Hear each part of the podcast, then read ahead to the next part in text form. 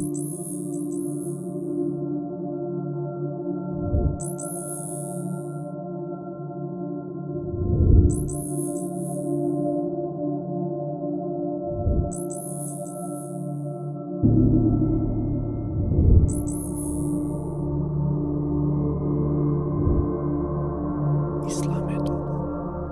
Poštovani pratitelji Islamedu podcasta, dobrodošli u našu još jednu epizodu. Sa nama je mladi istoričar i autor iz tih i sličnih oblasti, magistar Admir Lisica.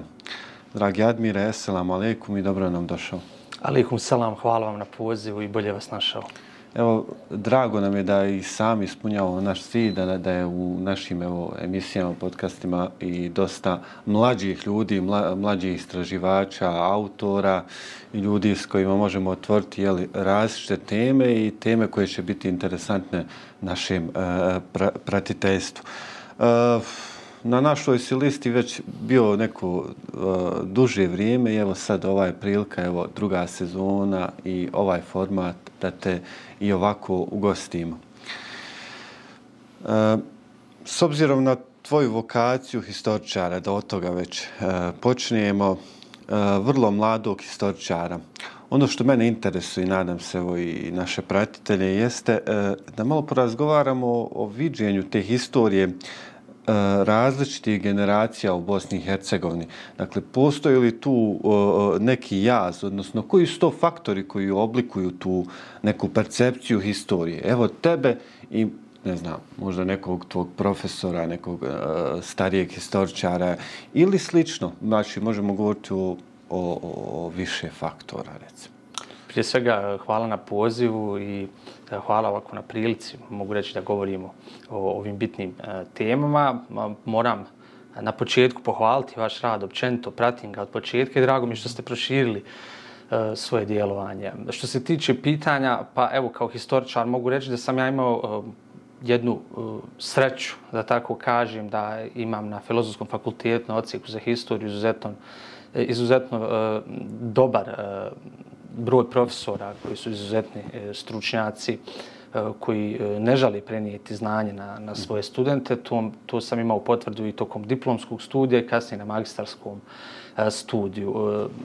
Njihov način pripovjedanja i analiziranja historijskih procesa u velikom mjeri mi je pomogao evo, lično da ja sada kad, kada nešto pišem, kada konstruišem, analiziram, da dam sebe u to. Naučeni smo da analiziramo na pravi način, da se držimo historijskih činjenica, da, da li e, kada pišemo naučni rad ili historijski članak, da se držimo činjenica, e, da se pozivamo na literaturu, na izvore. E, I to je ono što mogu reći da su nas naučili naši profesori. Kada govorimo o nekom viđenju historije, sasvim sigurno je da postoji jaz između starije i mlađe generacije. Kroz neka moja putovanja, E, i, i razgovore sa starijom generacijom a, naših, naših ljudi, a, mogu primijetiti da je onaj sistem u komunizmu a, dosta a, diktirao normu o čemu, o čemu će se govoriti učiti. Dok s druge strane, nakon završetka agresije na Bosnu i Hercegovinu, mi kao mlađa generacija, koji smo tada pohađali ovaj obrazovni sistem, različito smo učeni, tačnije proširili smo neke vidike. Ja se, na primjer, e, uvijek referiram na taj srednji vijek e, gdje e, lično, evo, kada ja razgovaram sa svojom majkom ili sa nekim članom starijim porodice, gdje oni meni govore da nisu nikada imali priliku da, da saznaju tokom srednjoškolskog i osnovnoškolskog obrazovanja neki podatke iz historije srednjovjekovne Bosne. Također, Osmansko carstvo je ostalo nekako uh, u, u nekom rascijepu i nedovoljno istraženo i onda su oni e, većinom učili i razgovarali o e, komuni, komunističkoj doktrini. Uh -huh. I to je velika razlika i, na primjer, to je oblikovalo određenu, određenu našu generaciju, naših roditelja, Amidža, Dajđi i sl. Što se nas tiče, mi hvala Bogu za, za razliku od njih, možemo reći da smo u nekoj određenoj prednosti. Kada kažem prednost, naravno, moram se pozvati i referisati na to da, da mi živimo u dobu moderne tehnologije, imamo e, dosta više prilike da, za, da saznamo informacije, da provjerimo informaciju. Ništa, sad nam antički period nije tako dalek. Mm. O, o srednjem vijeku, osmanskom carstvu da ne govorimo. Moderna historija nam je na dohvat ruke. Nemamo opravdanja da eventualno nešto ne znamo i nemamo opravdanja za neke veće greške, jer definitivno imamo puno materijala koji možemo analizirati, provjeriti sa više strana i to je jedna velika razlika e, što se tiče nas i ranije generacije, tako da možemo reći da smo mi u nekoj blagoj prednosti, barem ovako to ja vidim. Da čini se evo i, i kroz filmsku industriju se isprepliču brojni historijski motivi, historijski e, događaj, bilo da su oni uljepšani ili ne, i ovako ili onako. E, ne znam, evo kad, kad smo i kod, e, i kod ovog pitanja, e, naopada mi recimo o, o slučaju učenja o agresiji na Bosnu i Hercegovinu danas, čini se da još tu imamo, imamo još uvijek tu problem koliko se školski, jeli, onaj, Eh, oblikovao, koliko nam je školski u stvari eh, potrebno. Sjećam se kad smo bili eh, u medresi, profesor je tad se pozivao na svojih 30% koji može oblikovati čas i, i na taj način smo učili u stvari o, o tim o, o genocidu o, i o svim genocidama evo, o, o kojima govorimo tako dalje. Uh, Skoro smo imali e, gosta sa kojim smo pričali o, na temu dijaspore i na temu iseljeništva i tome kako obli, oblikuje identitet sa nekim ko živi tamo i evo ko, ko se može pozvati na svoje iskustvo. E, e, našim gledateljima evo manje više poznato da se sam bavio pitanjima migracije e, Bošnjaka, pitanje dakle iseljeništva, e, migracija kroz historiju. E, E, bilo bi možda zgodno da ovdje spomenemo te, e, te valove migracija, evo možda oni najvažnije, da tako kažem, i, i ova po, obilježja nekog posljednjeg e, vala migracije, da tako kažem, i, i trenutnog vala migracija, te koja je glavna poruka koju možemo evo izvući kroz taj historijski tok našeg naroda. Prošle godine sam imao priliku da prezentiram na jednu naučnu konferenciju u Bihaću koju je organizirao Islamski pedagoški fakultet, e, jedan rad na temu migracija, naravno na temu bošnjačke migracije, ali u uvodu sam se referirao na neki prijašnje migracije. Na primjer, evo, e, koji je najpoznatiji, uvijek se, uvijek se možemo podsjetiti, koji je najpoznatiji e, migrant u historiji Islama, to je Muhammed Ali Salam. Tako da uvijek kada me neko pita o historijatu migracije, da li je to neki novi proces, on traje od kad traje i čovječanstvo. Mm -hmm. e, to je jedan kontinuirani proces e, koji je oblikovao mnoge e, narode, e, tako da moramo ih na taj način posmatrati. E, mi moramo također razlikovati migracije. Imamo evo, riječ dijaspora koja je grčkog porijekla, -hmm. e, nam govori o tome, o, o ljudima koji su se e, raselili e, zbog nekog događaja. Evo, mi imamo trenutno, na primjer, na sceni u Bosni i Hercegovini ekonomske migracije gdje ljudi zbog o, ekonomskih razloga napuštaju Bosnu i Hercegovinu, odlaze na zapad da bi sebi priuštili e, eventualno bolji život. E, što se tiče e, 90. godina i prije, ako se vratimo čak na, evo, krenimo od Berlinskog kongresa 1878. Mm godinu, e, mi tu imamo nezadovoljstvo prema novoj vlasti koju su pokazivali bošnjaci, muslimani, i, i oni su iz svog tog bunta uh, počeli da se iseljavaju prvo masovno u Sanđak, uh, da bi poslije otišli u Tursku, Sjedinjene američke države i dalje. Veliko pitanje hijđre u stvari. Veliko tako. pitanje hijđre, upravo tako. Imao sam priliku razgovarati sa jednim izuzetno finim insanom, imamom Mujdinom Emilja Imijem, glavnim imamom -hmm. u, u Baru i kada sam držao u baru predavanje o, o hijđri, o tom aspektu mm -hmm. hijđre, u stvari moderne hijđre, dotakli smo se to i te e, kao teme ko, koju si naveo. Mm -hmm. mogu reći da e, hijđra je izuzetno bitna, posebno za muslimane, podsjeća nas na, na važne događaje u historiji naše vjeri. Što se tiče Bošnjaka, možemo reći još je važnija. Jel, kažem, nas prati taj migracioni proces od 1878. godine kada su mnogi bošnjačke porodice našle čak svoj put i do Palestine, Cezarije, do, mm. do ostalih arapskih zemalja. Poslije toga, početkom 20. stoljeća, migracije se opet nastavljaju. Imamo ratove koji su harali Balkanom, prvi svjetski rat, balkanski ratovi, drugi svjetski rat, sve su to bili uzroci iseljavanja. Onda od 1945. godine imamo novi tip migracija. Ovo ranije što sam govorio, mm -hmm. jedan, možemo reći, sigurnosni tip. Dok, nakon 1945. godine imamo političke migracije. Znamo, mm -hmm. tada veliki broj bošnjaka je moralo napustiti Jugoslaviju. Među njima Adl Zutkar Pašić, Teofik Velagić, Hasan Karačić, i ostali koji su bili e, na ovaj ili na način označeni od prošlog sistema kao neprijatelji zemlje. Mm. Vratimo se na 1990. godinu, znamo, početak agresije je doprinio veliki broj migracija, ljudi su se iseljavali da bi spasili svoj život, opet se vraćamo na taj sigurnosni aspekt. Tako da su migracije traju, traju i danas, evo vidimo i na pitanju Afganistana, da će trenutna situacija u Afganistanu probuditi veliki e, val migracija.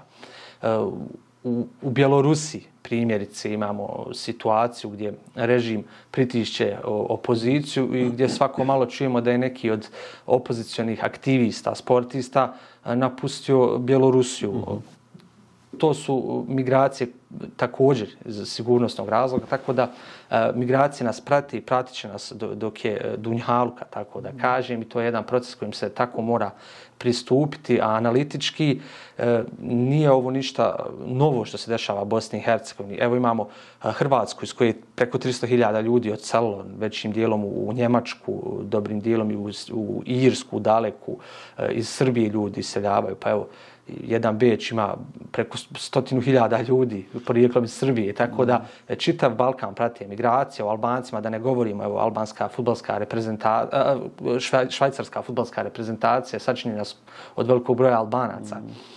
Tako da su to neki proces koji prati čovječanstvo i možemo reći da nekim, neke države e, dobro profitiraju od migracija. Evo, e, od radne snage. Njemačka e, u sportu, evo Švicarska, naveli smo e, primjer. Tako da migracije su jedan bitan proces koji se treba izučavati i pristupati mu se na, evo možemo ovaj neki reći, širi način. U stvari možda i evo primjer Amerike koja i taj američki san o, često se govori i ljudi govore ne znam kada kažu recimo skandinavcima kaže interesantna Amerika u tom pogledu kaže, neki od njih se sele tam. upravo, upravo tako, pa evo ja sam uh, tokom uh, pisanja jednog rada uh, analizirao gdje to Njemci idu. Njemci, -huh. na primjer, također su uh, uh, ekonomski migranti, možemo reći u jednom, uh uh, u jednom riječu. Uh, oni odlaze u Kanadu, na primjer, zbog boljih uslova života. Onda imamo, zanimljivo je da, na primjer, penzionirska populacija Njimaca, Skandinava, Skandinavaca i ostalih naroda odlazi u Španiju na, na zaslužene odmore, možemo mm -hmm. tako reći, gdje onda trajno se odseljavaju zbog bolje kvaliteta života, kako oni to navodi.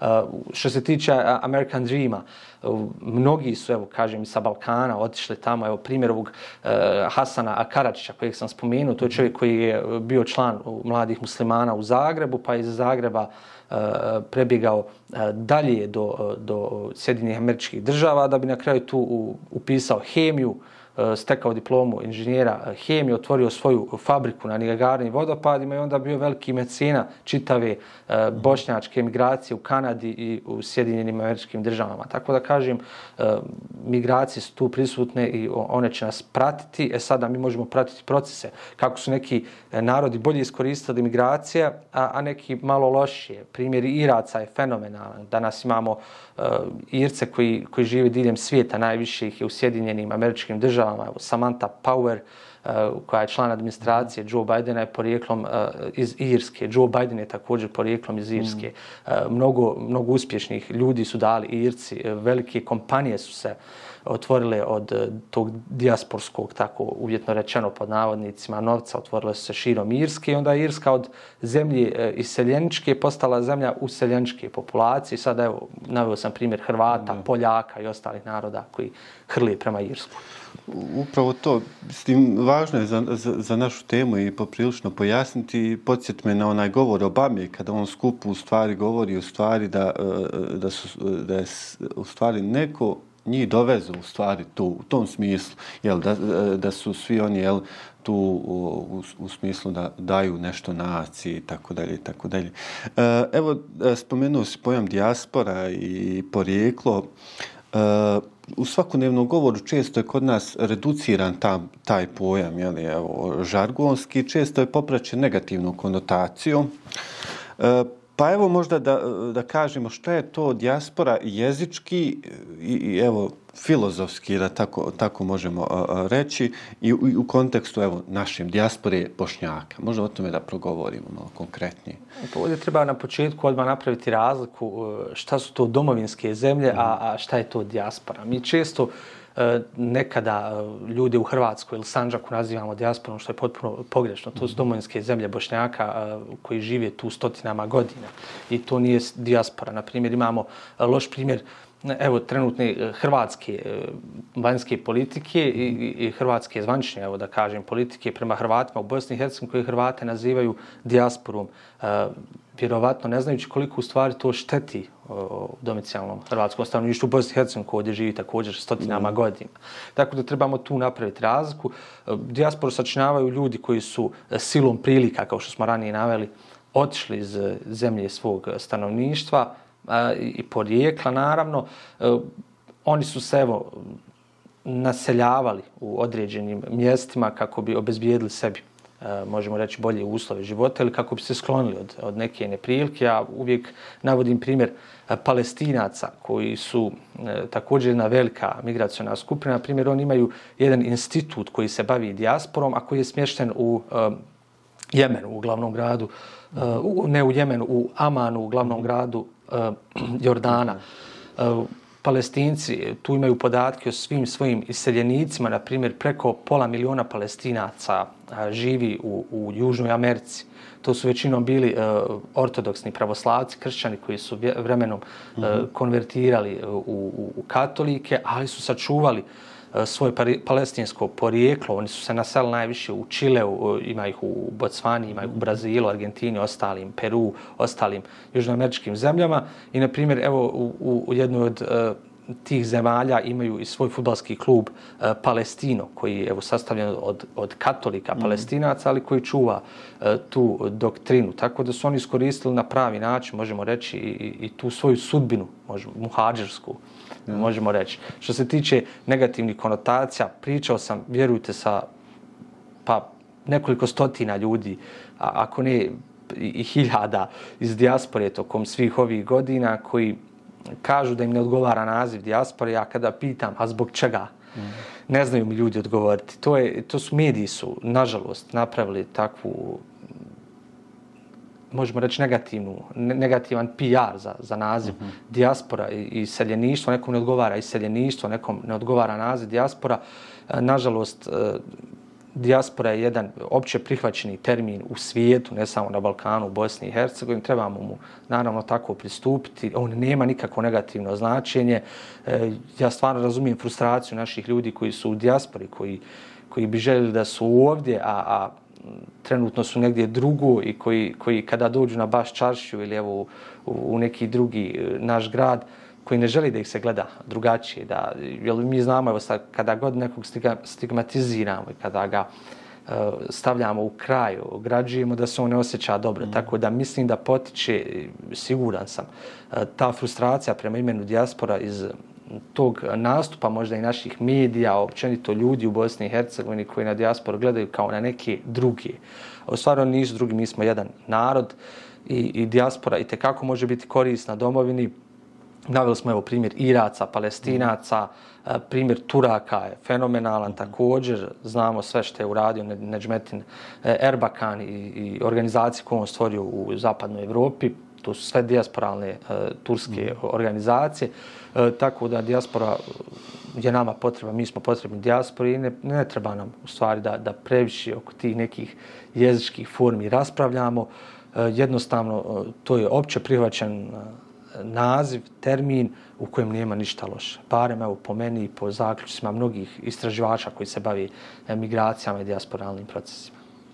E, Da, evo, lično se onaj svakako onaj slažem, no svakodnevni govor, jel, često se izmijene ta, te neke e, značenja određenih riječi, e, daju se u određene kontekste koji, evo, nisu povolji, kako kažeš, i vrlo nam je važno da čujemo to iskustvo. Ti si kroz razgovor, u stvari, s tim ljudima onaj, osvjedočio, u stvari, e, način na koji oni svjedoče to kako ih se vidi, kako im se, u stvari, pristupa i tako dalje. E, evo govorimo stalno o potencijalima dijaspore, o, potencijalima evo, bošnjačke dijaspore, o tome šta bi se moglo unaprijediti e, e, e i kada je u pitanju e, akcija iz Matice i kada je u pitanju akcija iz dijaspore prema Matici. često govorimo o ekonomskim projektima. Razumljivo je, jeli, zbog čega. No, čini li se da je možda naivno posmatrati e, e, e, da je tu u pitanju samo potencijal ekonomske prirode. Šta je sa ostalim potencijalima, ne znam, kulturni, jeli, kulturni, politički, evo, ne znam, sportski i tako dalje, bilo koji drugi. Mislim, ono što je i, i tekako važno, ono što u stvari stoji u, u srži civilizacija uopće. Odlično pitanje na, na početku prvo moramo e, promijeniti taj način razgovora, komunikacije međusobno na relaciji domovine i dijaspora. Moramo promijeniti taj način pogleda jedni na drugi. Dijaspora na domovini, domovina na dijasporu ne treba da gleda uh, rivalski. Ne trebamo biti uh, jedni prema drugima uh, kao, kao futbalski klubovi. Uh, usmjereni, ne, neprijateljski ponekad možemo mm. reći što se tiče domovine, e, domovina ne treba samo da gleda na dijaspor kao na bankomat, e, kao neko ko će njima riješiti neki egzistencijalni problem, jer ovdje oni ne mogu, a dijaspora e, može da, da sve to isfinansira i dijaspor je pod navodnicima lako mm. da sve to uradi. Što se tiče dijaspore, kod visoko obrazovanih, naših e, sugrađana u dijaspori koji su završili e, obrazovanje, visoko obrazovanje u zapadnim zemljama i koji trenutno tamo žive, koji se puno druže sa ostalim e, narodima, oni ističu definitivno glavnu stvar šta mora dijaspora da uradi prema domovini. To je da nauči pod broj jedan između sebe šta to znači zajednica, šta znači riječ zajednica i kako biti zajednica. Onda navode primjere poje neke i rascijepkanosti eh, koje možemo vidjeti, koja nije, nije bezazlena nekad eh, unutar uh, zajednica u dijaspori. Mi znamo da imamo različite klubove, futbalske klubove, udruženja, kulturna. Također imamo različite džemate i ostale organizacije kao i medije e, koji bi trebali više da međusobno sarađuju. Kada dijaspora bude na pravi način između sebe sarađivala e, i onda će biti vjerovatno ta saradnja bolja i sa domovinom. E, u neku ruku ovdje je dijaspora svačena pogrešno, evo kao što sam rekao, svačene su isključivo kao ekonomski potencijal. To naravno nije tako. Naveo sam malo pri primjer uspješnih nekih političara koji vodi porijeklom iz Irske. Mi evo trenutno e, širom Evrope i svijeta imamo ljude koji sjedi u vijećima, vladama e, raznih zapadnih zemalja. E, primjer je veoma dobro vidljiv u Skandinaviji, kažem, gdje imamo u u Danskoj, Švedskoj, Norveškoj, veliki broj naših ljudi koji, koji su učesnici vlada tih zemalja, da li pokrajinskih, da li vijeća, ali su oni politički aktivni. Sa Njemačkom isti, isti, ista stvar. U, u Velikoj Britaniji imamo baronesu. Također, što se tiče Australije, imamo u parlamentu svog čovjeka, ne želim da navodim imena, tih ne. ljudi, to je veoma lako provjeriti da ne bih nekoga uh, dobio u neku nezgodnu možda situaciju ili, ili tome slično. Ali I toga će imamo... biti sve, iz, da. Uh, izvini, uh, toga će biti sve više u stvari kako govorimo o drugoj, trećoj i ostalim generacijama. Pa da, evo pričam, bio sam prije, neposredno prije uh, pandemije koronavirusa u februaru 2020. na jednoj mini turniji, mogu reći u Danskoj, pet gradova sam obišao sa jednim prijateljem iz Odensa, sjedim, koji ima kćerku nekih 21 godinu. Ona je završila osnovne studije i zanima je politika.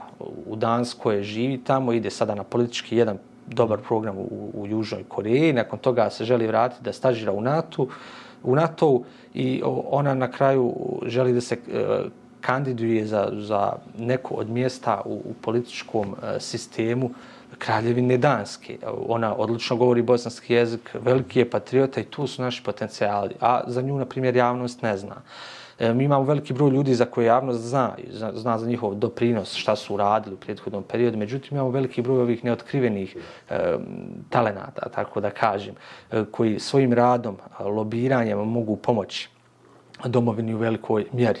E, ja ću navesti samo neke primjere armijenske emigracije. Na primjer, Armijena je u Francuskoj preko 700.000 u, u Sjedinjim američkih, američkih državama e, čak i mhm. više. Oni su izvršili e, pritisak na, na administracije tih država, izlobirali su da provedu neka svoja politička uvjerenja, mhm. evo, kada je riječ, na primjer, o dešavanjima iz još osmanskog perioda između Armenije i Osmanskog carstva. Oni su na svoj mlin, tako da kažem, naveli te vlade, zato što su imali odlično raspoređene ljude e, koji su lobirali za njihovu stvar. Slična situacija je u u Sjedinjenim američkim državama se desila. Ljudi lobiraju, e, onda imaju e, na svom stolu mehanizam odbranbeni prema svojim, možemo reći, oponentima i neprijateljima. Ja kažem, što se tiče Bošnjaka i Bosne i Hercegovine, historija na našoj strani, činjenice su na našoj strani. Mi samo trebamo da a, više povedemo računa o, o, o onome šta plasiramo u javnosti, sa čime idemo e, na, na bojno polje, tako da kažem. E, dijaspora nam može pomoći u tome, možemo, može nam lobirati kod e, stranih zvaničnika, može nam omogućiti određene kontakte kako bi se mi uvezali bolji sa nekim međunarodnim organizacijama, fondovima. To nam omogućava ova nova generacija naših godina, ljudi koji imaju 30 godina i koji su mlađi ili je tu nekoliko godina stari, oni nas mogu povesti u svijet, tako da kažem, dosta, dosta lakše. Što se tiče starije generacije, ona je bazirana na toj ekonomskoj pomoći e, koju šalje e, nesebično svojoj porodici, prijateljima, pomažu različite humanitarne, edukativne projekte. Tako da kažem, dijaspora ima a, više mogućnosti a, kako može pomoći domovini, a također i mi imamo više mogućnosti kako tu snagu njihovu crpiti, a da bude to na obostrano zadovoljstvo. U svojoj knjizi Bošnjačka emigracija, izazovi i perspektive, uh, pisao sam o uh, svjetskom kongresu e, BiH dijaspori koji je osnovan 2002. godine. Uh, oni su već tada, 2002. godine, tražili da se osnuje ovdje ministarstvo za dijasporu. Evo, ne mora to biti neko, neko ministarstvo, ali u Srbiji, na primjer, i Hrvatskoj imamo u, sklopu ministarstva vanjskih, odnosno unutrašnjih poslova i država imamo e, posebne odjele koji se bave dijasporom. E, evo, kažem, u, u Palestini također imamo, to jest u, u susjednom e, Jordanu imamo institut koji se bavi dijasporom. Mm -hmm. Također, Armeni imaju uh, svoj institut koji se bavi uh, pod dijasporom uh, na svim aspektima. I možda na, i najveći da. uspjeh u tom imaju uh, jevreji u stvari. Jevreji, da. To, oni, su, oni su definitivno neizostavni. Da, njihov ja. model, oni su u stvari napravili u konačnici uh, Izrael kao državu. Njihova dijaspora je pomogla u velikoj mjeri uh, na tom putu. Tako da kažem, uh, dijaspora ima veliki potencijal kako naša, tako i svaka druga od, od eh, srpske i hrvatske, pa ne znam dalje na zapad. Uh, oni mogu pomoći svojoj domovini, samo je bitna ta komunikacija i da pre, prevaziđemo nekako taj vlastitni egoizam i da jedni drugi manje optužujemo. Evo, da li nekog zovemo dijaspora, da li neko se vidi kao bankomat ili ne, mi moramo zajedno raditi, jer ukoliko budemo zajedno radili, možemo obezbijediti bolje uslove življenja na način koji, koji tu dijaspora može ovdje pomoći. Ne može nam dijaspora riješiti naše neke svakodnevne ovdje probleme političke ili, ili ekonomske prirode, ali nam može pomoći u velikoj mjeri da ova zemlja ide naprijed, evo, i u političkom smislu, kroz lobiranje, ekonomskom, obrazovanju, kažem, veliki su, veliki su fondovi na zapadu, stipendije, slično. Mnogi naši ljudi eh, dijele te informacije sa ovdje, eh, mladima, jedni drugi pozivaju, eh, studi, studiraju u određenim područjima i na taj način stječu nova iskustva koja poslije koristi u domovini. I to je jedan vid pomaganja dijaspore. Tako da moramo samo pristupiti širije dijaspore, ne gledati samo taj ekonomski aspekt. Evo ja ću spomenuti, ima deset futbolskih klubova bošnjačkih, bosansko-hercegovačkih. Također u Belgiji imamo, u Njemačkoj, širom Evrope.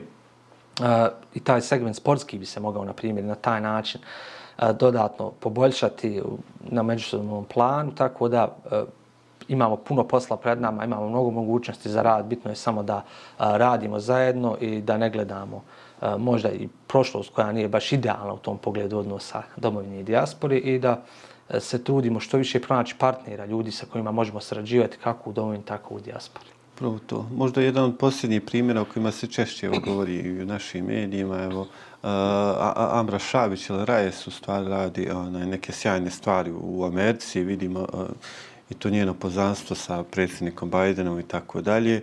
To je jedan od uh, primjera i kao što se rekao, to obostrano zadovoljstvo u stvari, mi smo, mi smo jedno da, tako. da tako kažemo i to, i to je ono u stvari što će nas i što bi nas trebalo u stvari voditi naprijed. Evo, stalno govorimo o, o svijetu o, o, i o dešavanjima u svijetu i u kontekstu Bošnjaka i tako dalje. U zadnje vrijeme, evo i ti mnogo pišeš uh, o tim uh, međunarodnim odnosima i to je ono što, što se u mnogome uh, tiče i, i tvoje struke i svih tvojih interesovanja. Uh, sad, ponekad to izgleda uh, teško u globalu ovako upitati, no uh, uh, uh, možda ovako uskraćeno, kako se odvija trenutno stanje u svijetu? Vidimo da, da postoje brojne tenzije čini se ponekad kao da nismo, kao da još uvijek nije izašao svijet iz te blokovske podjele, pa čak postoji i opet ponovo neki ti nesvrstani, onaj, i tako dalje, neki koji možda igraju na, na više strana. Uh, ali, ali ono što sigurno nas zanima u kontekstu, evo, u kontekstu Bosne, možda da, e, da, da neku temu dotaknemo, a da se tiče evo, e, e, međunarodne situacije. Uče sam upravo čitao neke članke vezane za Praško proljeće mm -hmm. koje se odigralo 1968. godine koji u krvlju, možemo reći, ugašeno od strane Sovjetskog saveza. Tada su bili određene, e, možemo reći, blokovske podjele. Tadašnja Jugoslavija je podržavala Čehoslovačku tadašnju da kreni u te reforme i proljeće, onda Sovjetski savez je kategorički odbijao bilo kakve promjene, tako da mogu reći, i to je jedan proces u tih nekih tenzija u međunarodnim odnosima koji prati našu stvarnost svakodnevnicu od kada je svijeta. Mi ovdje pogrešno percipiramo međusobne nesuglasice u Bosni i Hercegovini. Znamo, ovdje imamo tri različite, tri različita naroda koja imaju tri različita poimanja sadašnjosti, budu, budućnosti i prošlosti. Mm. Slično je i u našoj regiji. Također, ono što zaboravljamo reći da mnogo, možemo reći i bogatije, uređenije države imaju problema um, u neku ruku i slične našima. Evo ja ću navesti jedan primjer Velike Britanije. Uh, u našoj javnosti slabo možemo pronaći veoma malo uh, informacija uh, o tome da u Velikoj Britaniji ima dosta unutrašnjih problema. Iako oni to nazivaju demokratskim procesima i praznikom demokratije, da svako može iskazati ono što misli, činjenica jeste da od izlaska Velike Britanije iz Europske unije, od procesa Brexita, e, ova zemlja ima e, ogromne međusobne e, razlike, ogromne probleme. Prvo krenemo od problema između Sjeverne Irske i Irske. Evo, svjedoci smo da je u aprilu ove godine se dogodio veliki bunt u Belfastu, gdje su se sukobili protestanti i katolici. Opet su dvije različite unionistička struja koja podržava Veliku Britaniju, ova druga strana, opet su se sukobili na ulicama, bilo je povrijeđenih. Razlog jeste u tome što ni, ni jedni ni drugi nisu baš zadovoljni novim odredbama vlade Borisa Johnsona, mm -hmm. koje su nastale posebno u trgovinskom smislu i razmjeni roba.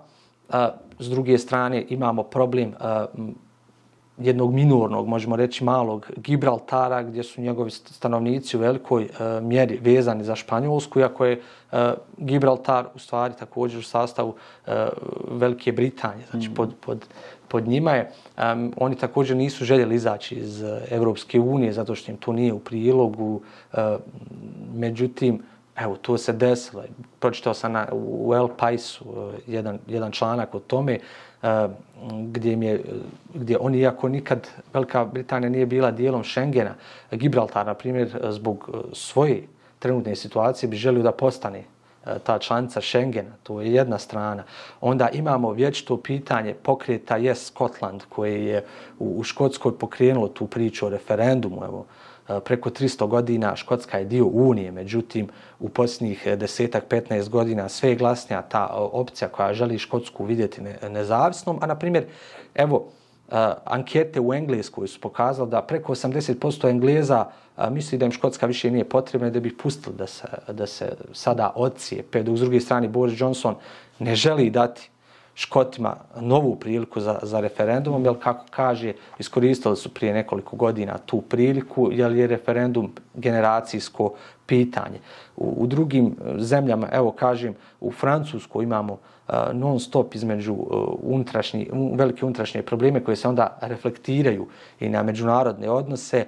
Uh, možda sada situacija oko Sjevernog toka 2, koji, koji, koji plinovoda, koji treba da poveže Njemačku i Rusiju najbolje oslikava u stvari u kakvom, u kakvom se svijet, Evropa problemu nalazi. Mm -hmm. Sjedine američke države e, i Njemačkoj, svom stalnom savezniku i, i Rusiji, naravno, stalnom oponentu, želi da uvede sankcije. E, zbog toga evropske zemlje kritikuju Njemačku s kojom su, kojom su stalni saveznik, zbog toga što su izgradili taj sjeverni tok. Međutim, zbog glavnog, kažem, tu problema koji je u vezi sa Ukrajinom, koja se izgradnjom Sjevernog toka isključuje iz danjih procesa evo, distribucije gasa i svega i onda imamo tu veliki problem između evropskih zemalja koji ne mogu da nađu zajednički stav o tom pitanju Ukrajine. Evo, Njemačka Angela Merkel je prije neki dan u svojoj oproštajnoj posjeti e, Putinu e, rekla da ona želi da se očuva to pravo Ukrajine, da želi, na primjer, evo, u Bjelorusiji trenutna situacija takva da ona želi da, da, da se smire tenzije, da režim uh, malo popusti. Onda u Rusiji imamo trenutno uh, različite represivne metode prema nekim opozicijalnim mhm. političarima, međutim Putin na to je ostao hladan, onako ruski i, i tu vidimo da i neki pod navodnicima prijatelji ostaju ostaju hladni, ostaju e, nedorečeni između sebe, imamo mnogo problema, evo kažemo oko Crnog mora samo koliko imamo problema od, od aneksije Krima, od, od kada su zauzeli e, luku e, Sevestopolj, koja, s kojom kontrolšu bukvalno e, Crno more koje može postati e, veoma brzo, brzo e, i Rusko jezero. M, imamo četiri na tom području para države od, od e, Prednjestrovske, Moldavske republike do, do Abhazije, Južne mhm. Osetije, Kri, Krima koji je anektiran. Mnogo nekih stvari imamo nerazjašnjenih. Na, na, evo, sada sam u nekoliko minuta otišao od zapada prema, prema istoku. Što se tiče Skandinavije, skandinavske zemlje, iako djeluje to na papiru da je da, da je red, da su uređene, jesu naravno u odnosu na, na Balkan, ali oni imaju međusobnih, velikih međusobnih tenzija, posebno unutar svojih vlada, stalne su turbulencije, tako da općenito kada sagledamo evo cjelokupni te međunarodne odnose, možemo reći da uh, mi evo ovdje na Balkanu i kako ne zaostajemo za nekim procesima koji se, koji se odvijaju uh, izvan ovog našeg Upravo to, polostra. To nam možda i najbolje da. govori jel, e, da se sve države u svijetu nose sa, sa tim unutrašnjim problemima i izazovima, jer Naravno. nama to izgleda previše uh, općenito, jel, gledamo na svijet ili uh, kada su pitanju ti međunarodni... Upravo, evo ja bi, izvini što te prekidam, napravio jednu paralelu sa uh, jednom Španijom koja je za nas pojam civilizacije, mm. kulture, uređenja. Španija ima nešto zajedničko sa Bosnom i Hercegovinom. To je da nemamo ni mi, ni oni zvančni tekst himni. A, također imamo još mnogo toga zajedničkog da u Španiji pola te države i više od pola te države želi da se odcijepi. Imamo probleme u jednom dijelu sa Baskima, sa etičkom grupom koja čak imala dosta dugo i svoju terorističku organizaciju. Eto, Također imamo problem sa Katalonijom koja je raspisala referendum prije nekoliko godina gdje, koji se morao ugasiti od strane Madrida. E, mnogo je tenzija između, između građana Španije, ali Španija funkcionira, ide dalje. Švicarska znamo da ima podjelje, te podjelje, podjele na kantone e, i to na kantone, mi ovdje nemamo jezičke barijere u tom smislu da se ne razumijemo, ali oni imaju kantone koji su podijeljeni na, na, na njemački, na italijanski dio, na, na francuski, tako da je čitava Evropa, možemo reći, e, podijeljena u neku ruku i da mi E, iako je to negativno, naravno, mi e, ništa ovdje nismo novo izmislili i nije toliko crno kao što se, kao što se prikazuje u Bosni i Hercegovini, iako naravno može biti dosta bolje, ali evo, mnogi ovi primjeri koje sam naveo na, na međunarodnoj sceni nam govori o tome da e, su postojali post, postojaće tenzije određenih naroda, zemalja i međusobno, naravno, e, untar tih, možemo reći, zemalja, postojali su tenzije postojaće i, i mislim da na, se na to trebamo naviknuti i u tom kontekstu također i tu trebamo širiti neke neke vidike, da ne gledamo odmah na prvo ono što nam se plasira, na primjer iz medija, da je to sve tako, Bosna je crna, ne valja u Bosni, mi smo mm -hmm. zadnji, a evo samo se okrenemo oko sebe od zapada, istoka, sjevera i juga, vidimo da situacija nije baš tako dobra. Na, naravno, jel, ne relativiziramo uh, ničije ni probleme, tako ni je. svoje, ni, ni tuđe, ali evo, fali nam ta doza optimizma kroz takvo gledanje na svijetu, u, u smislu jel, da se, evo, Uh, neke stvari ipak mogu jeli, unaprijeti, na kraju kreva jeli, da, da svijet nije upravo crno-bijeli. Evo možda i u tom kontekstu ovo posljednje pitanje koje može biti evo, i, i, i najteže, uh, Uh, Admire, kome ostaje Bosna? Kome će to ostati Bosna? Bosna ostaje eh, svim njenim eh, građanima koji je doživljavaju kao takvu, koji je doživljavaju kao, kao državu jednakopravnih naroda i, i nacija i, i kao, koji je doživljavaju kao jednu otvorenu evropsku zemlju neće ostati sigurno onima koji žele e, da, da ona bude podijeljena na ovoliko ili onoliko dijelova. Neće ostati onima koji zagovaraju e, neka uređenja koji nemaju veze sa trenutnim e, evropskim normama. Ostaće ljudima koji je vole, bez obzira kako se oni to zovu, ostaće mladima koji su veliki, možemo reći, potencijal e, ove domovine, iako nekada nam se čini da su u nekoj manjoj mjeri oni i i lijeni, možemo reći, u odnosu na svoje neke, e, su na, e, na svoje neke e, e, generacijske e, kolege u, izvan, izvan domovine po svijetu, mladi ovdje mogu napraviti promjenu ukoliko budu vrijedni, ukoliko budu radili, njima ostaje e, domovina. I kažem, svim tim mladima koji vole domovinu, ostaće domovina, neće ostati nikom izvana, neće ostati nekoj, nekoj sili. E, imamo evo i primjere na, na međunarodnoj sceni da, da ne mogu reći da smo prepušteni sami sebi, ali da e, Bog, Allah, neće promijeniti stanje jednog naroda dok on e, sebe ne promijeni. Tako je i u slučaju Bosne, Bošnjaka i njegovih naroda.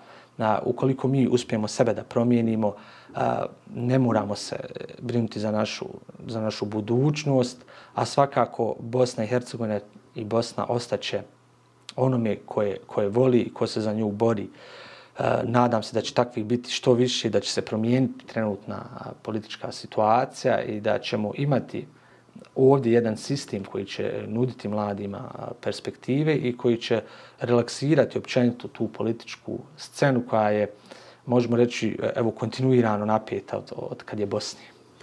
Admire, hvala ti mnogo. Drago mi je evo da smo otvorili još neke teme u našem podcastu, da smo razgovarali. Evo, načeli e, e nečiju pažnju, nečije razmišljanje, nečiji tok e, e, e razmišljanje i tako dalje, izazvali, izazvali na, evo, na, na, na razgovore, pozitivne razgovore i evo, možda i ponukali nekoga. Hvala ti još jednom. Hvala tebi Hasane, hvala ekipi Islam Edu koja vrijedno radi i nadam se da ćete potrajati i da će ovakvih sličnih emisija biti i u narednom periodu.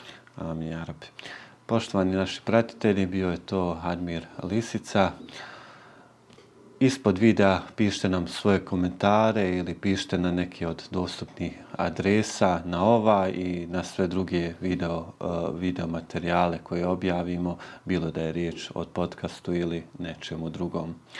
Hvala vam i do sljedećeg puta. Esselamu alaikum.